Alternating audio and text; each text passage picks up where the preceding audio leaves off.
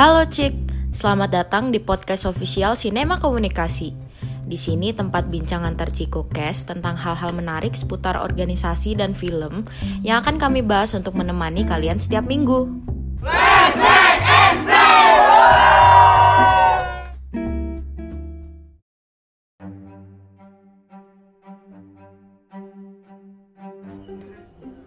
Halo, Halo Cik. Cik, Eh, balik lagi di Cikokes. Jadi hari ini kita bakal membahas eh, tentang fakta-fakta menarik seputar film. Jadi aku hari ini tidak sendiri, aku ditemani sama salah satu anggota Ciko. Siapa namanya? Aceng, hai semuanya. Hai Cik. Iya, Hai Cik, salam kenal Cik. salam kenal. Aceng sedang mencari jodoh ya Aduh. kali aja ada yang minat gitu kan. Mm-mm. Ya udah. Ngomong-ngomongin Em, jodoh, ada Joker nih. Wih, apa tuh Joker? Eh ya sekarang kita masuk aja ya ke fakta-fakta menarik nih seputar film. Jadi yang pertama adalah eh, dari film The Dark Knight ya tadi kayak yang dibilang sama Aceng Mm-mm. Joker ya. Jomblo kurang kerjaan. Eh, waduh. Ya, ngomong-ngomong ini, jomblo kurang kerjaan di film ini, di film The Dark Knight ini, eh, si pemeran Joker, si Joker. Heath Ledger yang jadi Joker, ya, Iya. menghabiskan waktu 6 minggu nih mengurung diri di dalam kamar, Gila, gila. kamar hotelnya untuk mendalami peran Joker. Gila, biar gila kayak yang kalian lihat di The Dark. Ya kan Gila kan? kurang kerjaan banget gitu. Tapi ini Jokernya yang versi keren. Kalau Iya, Joker iya. yang versi Aceng sih jomblo kurang Iya. kerjaan tadi. Siapa tahu ada yang minat bisa di DM di Ciko Aduh, UMY. ya biar nggak di kamar terus nih si Aceng nih. Hmm, biar nggak gila kayak Joker. Eh, waktu 6 minggu mengurung diri tuh bikin si Heath Ledger ini mendalami perannya banget. Bahkan saking ketakutannya si siapa? Michael Caine, Oh, oh, Michael Caine eh, yang meranin siapa sih Alfred namanya? di Alfred di asistennya Batman kalau kalian tahu Bruce Wayne. Uh-uh, sampai lupa dialog yang harus diucapkan diucapkannya sorry diucapkannya ketika melihat Joker versi Heath Ledger untuk pertama kali Mm-mm. wah seserem apa sih itu Karena Heath Ledger juga menariknya dia nyiapin make up Jokernya sendiri kan. Bahkan waktu nggak ada scene dia pun dia datang gitu, datang ke tempat syuting dengan make up Joker lengkap. Padahal itu nggak ada scene dia gitu. Itu kan gila banget apa? Creepy banget kan? iya kan kayak menghantui banget gitu kan Iya, sampai ketakutan si Michael Caine. Siapa tahu Christian Bale juga takut waktu itu. tapi nih gara-gara si Heath Ledger ini mendalami banget perannya dia tuh sampai mengaku bahwa energinya sangat terkuras mulai dari fisik sampai mentalnya gitu Heath Ledger sempat mengalami insomnia akut dan akhirnya meninggal Wah, Sayang banget sedih. sih aktor sekelas Heath Ledger meninggal gara-gara penyalahgunaan obat yang nggak sengaja gara-gara mendalami peran kan. Hmm, Emang keren banget sih tapi. Tapi dia tuh nelan obat apa aja sih ceng? Itu waktu itu kalau nggak salah dia nelan obat tidur terus obat anti kecemasan sama painkiller gitu. Dan nggak sengaja dosisnya terlalu tinggi mungkin ya. Terus akhirnya meninggal di kamar hotelnya. Mungkin kamar hotel yang buat ngurung diri tadi. Wow. Iya sih 6 minggu aja itu 6 minggu loh ke bawah 6, bi- banget. 6 minggu loh. Kita yang seharian aja di kamar tuh Iya. udah. Udah lemes semua badannya. Udah jenuh udah pengen marah-marah udah nangis overthinking belum Nah. lagi. Benar adanya. ini 6 minggu loh. Gila gila. Wow. Wajar sih kalau meninggal. Waduh nggak nggak nggak sorry teman-teman. Parah sih. Tapi Heath Ledger Heath Ledger sorry. Heath Ledger ini meninggal akhirnya pada tanggal 8 Februari 2008 dan tanggal ini tuh lima bulan sebelum filmnya The Dark Knight ditayangkan perdana. Mungkin waktu itu masih pra produksi gitu dan dia udah meninggal gitu kan. Sayang banget nggak sempat nonton filmnya sendiri kan dengan sekeren itu gitu. Ya di New York. Di New York. Mm-mm. ditayangin di New York 14 Juli 2008 Sayang Jadi akhirnya Academy Awards atau Oscar memberikannya penghargaan aktor pendukung terbaik pada tahun 2019. Eh, sorry, 2009. 2009. satu tahun setelah filmnya ditayangkan kan. Sedih banget. Sedih banget. Waktu itu yang ngambil tuh keluarganya gitu. Ibu bapak sama adiknya. Dan wow uh, sad. sedih banget deh. Kalau kalian ada videonya di YouTube kalau kalian mau lihat itu sedih banget. Langsung aja ke YouTube. Set the Stay best Joker ever. Yaudah deh sedih-sedihnya dihilangkan iya dulu. sedih-sedihnya udahan dulu deh. Iya. ngomongin yang bahagia aja yang keren. Ya yang keren nih. Sekarang kita mau ngomongin sutradaranya. Ngomongin sutradaranya The Dark Knight Dark nih. Knight, pasti ya. nggak asing kan sama sutradaranya. Si Christopher Nolan. Yoi, my favorite director ever. Wow. Orang gila. Ini orang gila juga gitu. Emang orang filmnya gila tapi pinter gitu Nah. ya Christopher Nolan. Iya. tahu nggak sih kalian film Interstellar pasti tahu jadi dong. ini film produksi 2014 nih Hmm. jadi kan ada adegan-adegan saat si Cooper ya si Matthew McConaughey menerobos ladang jagung saat mengejar drone bersama putranya putranya siapa sih waktu itu Timothy Chalamet Yo, Wih. sama putrinya. putrinya Terus- siapa Gak tahu. nggak tahu putrinya ya pokoknya itulah nah jadi adegan ini tuh sama sekali tidak menggunakan efek CGI ya, iya, gila.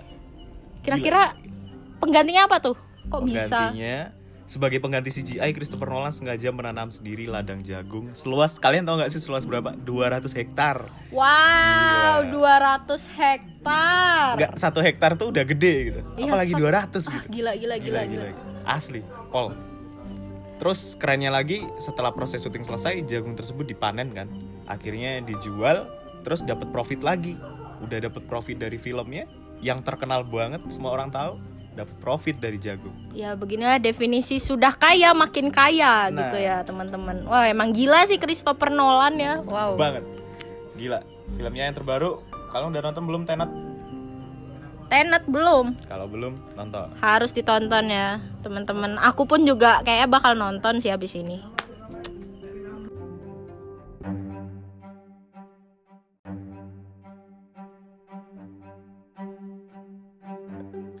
Oke kita lanjut nih ke animasi. Tahu nggak sih kalau film animasi Toy Story 3 Yang diproduksi tahun 2010 itu memiliki 92.854 storyboard Yang digambar secara manual dengan tangan. Gila, gila banget. Selain itu fun fact menarik lainnya adalah seluruh kru termasuk sutradaranya Leon Craig Rame-rame potong rambut sampai pelontos sebelum masa produksi film ini. Maksudnya film animasi ini gitu kan gila banget gitu bayangin aja 92.854 storyboard yang ditulis dengan tangan maksudnya digambar dengan tangan gitu. Itu bakal butuh waktu berapa lama gitu? Belum lagi animasi dianunya belum ah gila sih gila gila gila gila. Terus kalian tahu nggak sih bayaran yang diterima Arnold Schwarzenegger saat bermain di film Terminator 2 tuh Judgment Day itu sebesar 21.429 dolar Amerika atau kalian tahu sekitar 285 juta rupiah per kata yang diucapkannya. Wow. Jadi kayak banget, pantas banget kalau kalian nonton Terminator 2 tuh si Arnold Schwarzenegger nggak banyak ngomong gitu, karena mahal bos. Sa ini nih sama kayak Iron Man di film uh, Spider-Man Homecoming gitu, Ah, nggak jauh beda deh bayarannya. Tony Stark waktu itu Robert Downey Jr. juga dibayar per kata gitu, per kata atau per kalimat gitu kalau nggak salah. Terus selanjutnya kita masuk lagi ke aktor yang gila. Ini bukan gila bayaran, tapi ini gila aksi. Waktu itu di film Mission Impossible Fallout yang keluar tahun 2018, yang mana kalian semua tahu aktornya siapa, abang yang ganteng dan keren itu, Tom Cruise, yang sangat-sangat ekstrim orang ekstrim itu. tahu nggak sih kalau kalian dalam film yang Fallout tahun 2018 itu dia mengalami patah engkel kaki kanan atau kaki kiri? Kaki kiri kalau nggak salah. Waktu syuting salah satu adegan lompat dari gedung ke gedung yang lainnya. Terus dalam sebuah acara talk show dia ngomong kalau dia tuh sadar kalau engkelnya patah tapi dia tetap mutusin buat ngelanjutin scene itu gitu sampai selesai dan akhirnya juga masuk. Dan kalau kalian nggak tahu fun fact ini saat kalian nonton mungkin itu kayak oh ya udah gitu. Tapi waktu kalian tahu fun fact ini waktu kalian nonton itu bakalan kelihatan banget bahwasannya kakinya emang benar-benar patah dan dia benar-benar pincang waktu itu. Tonton deh sekarang Mission Impossible Fallout. Terus satu lagi yang gak kalah gokil adalah film dari sutradara yang sangat terkenal yaitu Quentin Tarantino di filmnya yang berjudul Django Unchained yang dimainin sama Leonardo DiCaprio, Jamie Foxx, uh, Samuel L. Jackson dan teman-teman yang lain. Itu ada satu scene yang sangat epic banget yang mana kalau kalian tahu si Leonardo DiCaprio waktu itu tangannya sobek apa berdarah gitu. Sebenarnya itu bukan aneh ya bukan make up atau bukan atau emang disengaja atau pakai CGI gitu enggak tapi karena Leonardo DiCaprio harusnya dalam skripnya itu dia gebrakin tangan di meja tapi waktu itu dia nggak sengaja gebrakin tangannya di gelas wine dan kalian tahu apa Leonardo DiCaprio tetap ngelanjutin scene itu.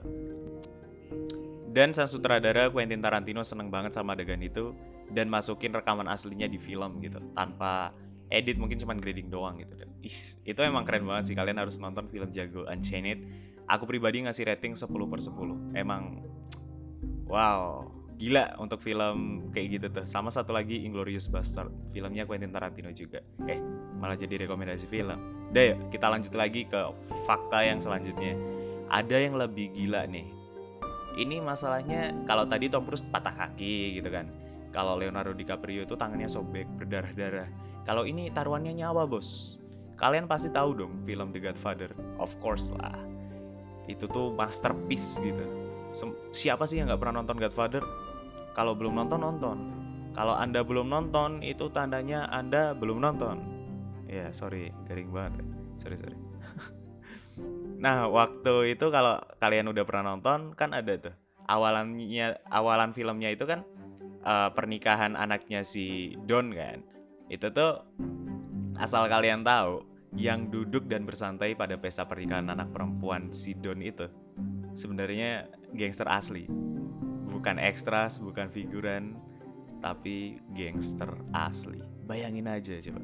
Kamu syuting di uh, apa kerumunan para gangster yang asli gitu.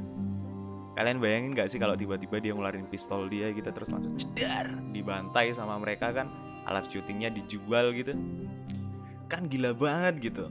Nggak kebayang kan? Kalian pasti bayangnya itu adalah figuran gitu dan. Oh, aku pertama kali tahu fun fact ini kayak beneran sumpah gitu kan. I can't believe it because oh man itu smooth banget gitu kayak ya kayak figuran beneran gitu nggak kayak gangster gitu dan. Oh ya figuran yang memainkan peran gangster dengan baik sih. Bener sih ternyata mereka gangster beneran ya wah gila sih gila gila gila, gila.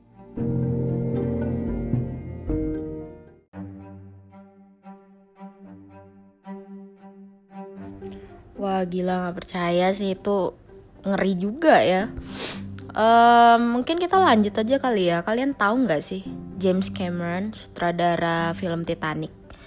Jadi mencari dana Hollywood untuk filmnya bukan karena dia ingin membuat film tersebut, tapi karena dia ingin menyelam melihat kapal Titanic yang tenggelam. Tapi bukan berarti gak bekerja total ya buat film ini. Buktinya ya berhasil gitu membuat adegan kapal Titanic tenggelam dan hancur hanya dalam satu kali take. Wah gila. Satu kali take dengan menggunakan 19 juta liter air untuk menghancurkan dan menenggelamkan kapal tersebut. Wah. Gila gila gila ya masa mau dibikin lagi kapalnya? Ya mahal lah. Jadi film ini tuh berhasil menjadi film terlaris ketiga sepanjang masa dan pemerannya si Jack, Leonardo DiCaprio dan Rose, Rose, Kate Winslet, Winslet, ah, apalah Kate Wins, Kate Winslet. Diingat sampai sekarang. Iya sih. Apalagi Leonardo DiCaprio, aduh waktu mudanya itu wow tampan sekali ya. Apalagi kemarin aku lihat si Kate Winslet main di Divergent jadi tokoh antagonis itu kayak another level gitu loh keren banget lah. Panutan emang. Oke okay.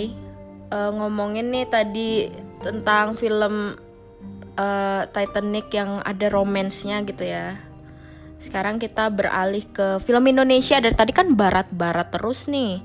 Nah, terakhir kita bakalan ngomongin soal film Indonesia nih, film Gundala. Tahu dong pasti sutradaranya si Bapak uh, Joko Anwar.